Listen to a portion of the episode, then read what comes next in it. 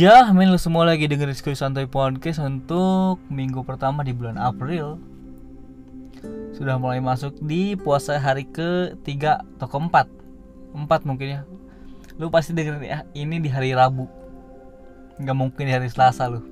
Karena gue record ini udah mulai masuk jam setengah 12 malam. Lupa gue Dan karena emang hari ini lagi ada kegiatan di luar gue jadi lupa untuk recording Ya, sekarang gue baru pulang jam segini. Baru nyempetin gini gini gini. Gini. Men lu dibesarkan lu dididik dengan cara apa? Gue ingin tahu kayak gitu doang sih. Apa kalau dengan cara dipukul terus lu belajar gitu? Atau lu dikasih tahu secara benar dengan cara pendekatan dari orang tua lu untuk enggak loh nggak boleh kayak gitu. Tapi lu gimana sih cara dengan hangat gitu? Untuk lu bisa untuk bisa lu tumbuh seperti sekarang gitu. Ini gue analogikan di tempat kerja sekarang. Kalau di tempat kerja sekarang itu ada peraturan yang kalau kita melakukan kesalahan kita melakukan SP1 surat peringatan pertama dan itu hukumannya kita harus pakai pin sebagai tanda kita melakukan kesalahan dan disuruh diem selama seminggu.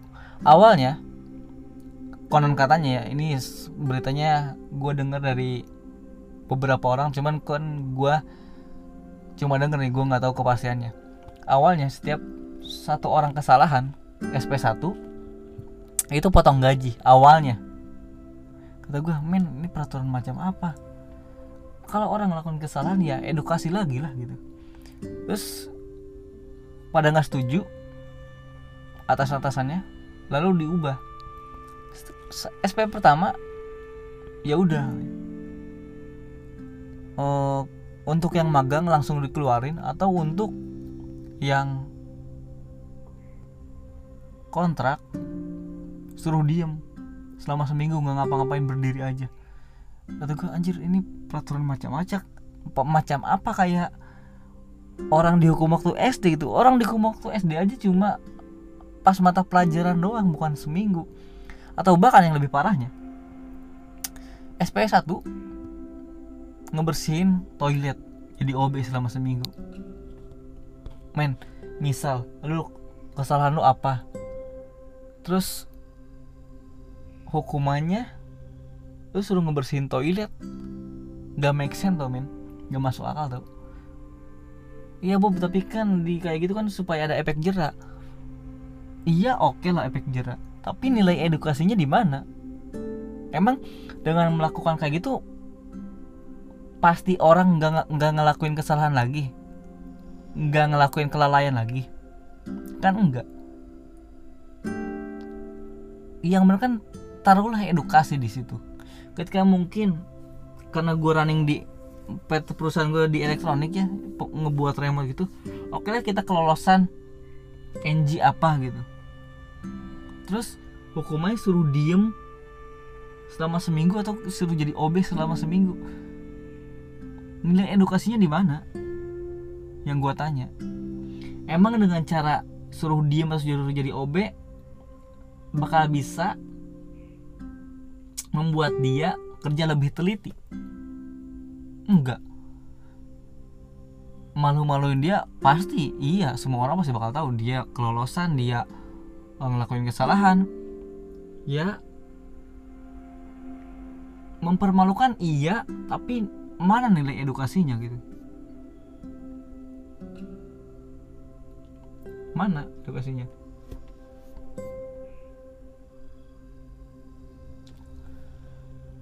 Menurut gue cara itu cara yang nggak tepat sangat nggak tepat. Sangat sangat nggak tepat. Karena yang paling benar adalah dengan cara pendekatan dan kasih tahu aja pelan pelan nggak mungkin orang nggak berubah.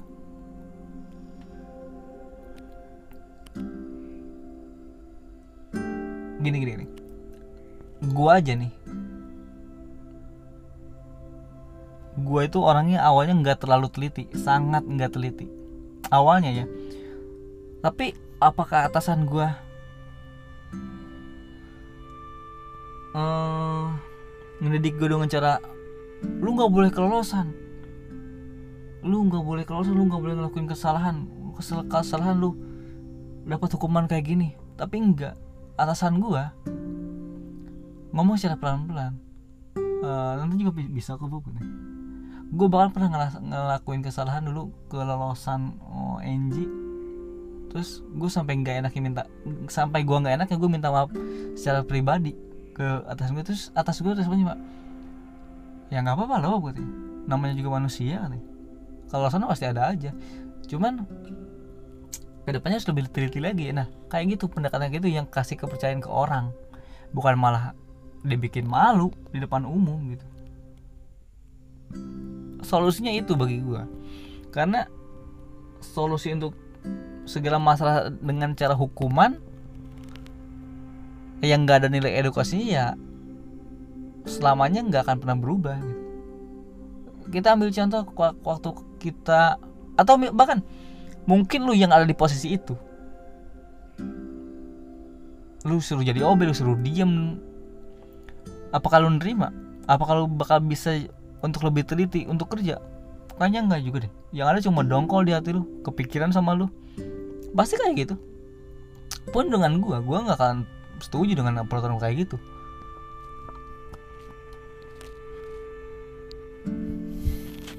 Lalu apa suruh yang terbaik? Ya pendekatan secara hangat lah. Kasih tahu pelan-pelan. Ya tapi kan udah dikasih tahu dari dulu pelan-pelan tapi tetap kelosan iya namanya juga manusia kita tuh nggak ada yang sempurna. Bahkan ya pendekatan secara hangat itu emang sangat dianjurkan temen dari zaman dulu. Orang tua lu ngedidik lu dengan cara pendekatan juga. Dikasih tahu pelan-pelan gitu. Untuk lu bisa. Sampai lu bisa bahkan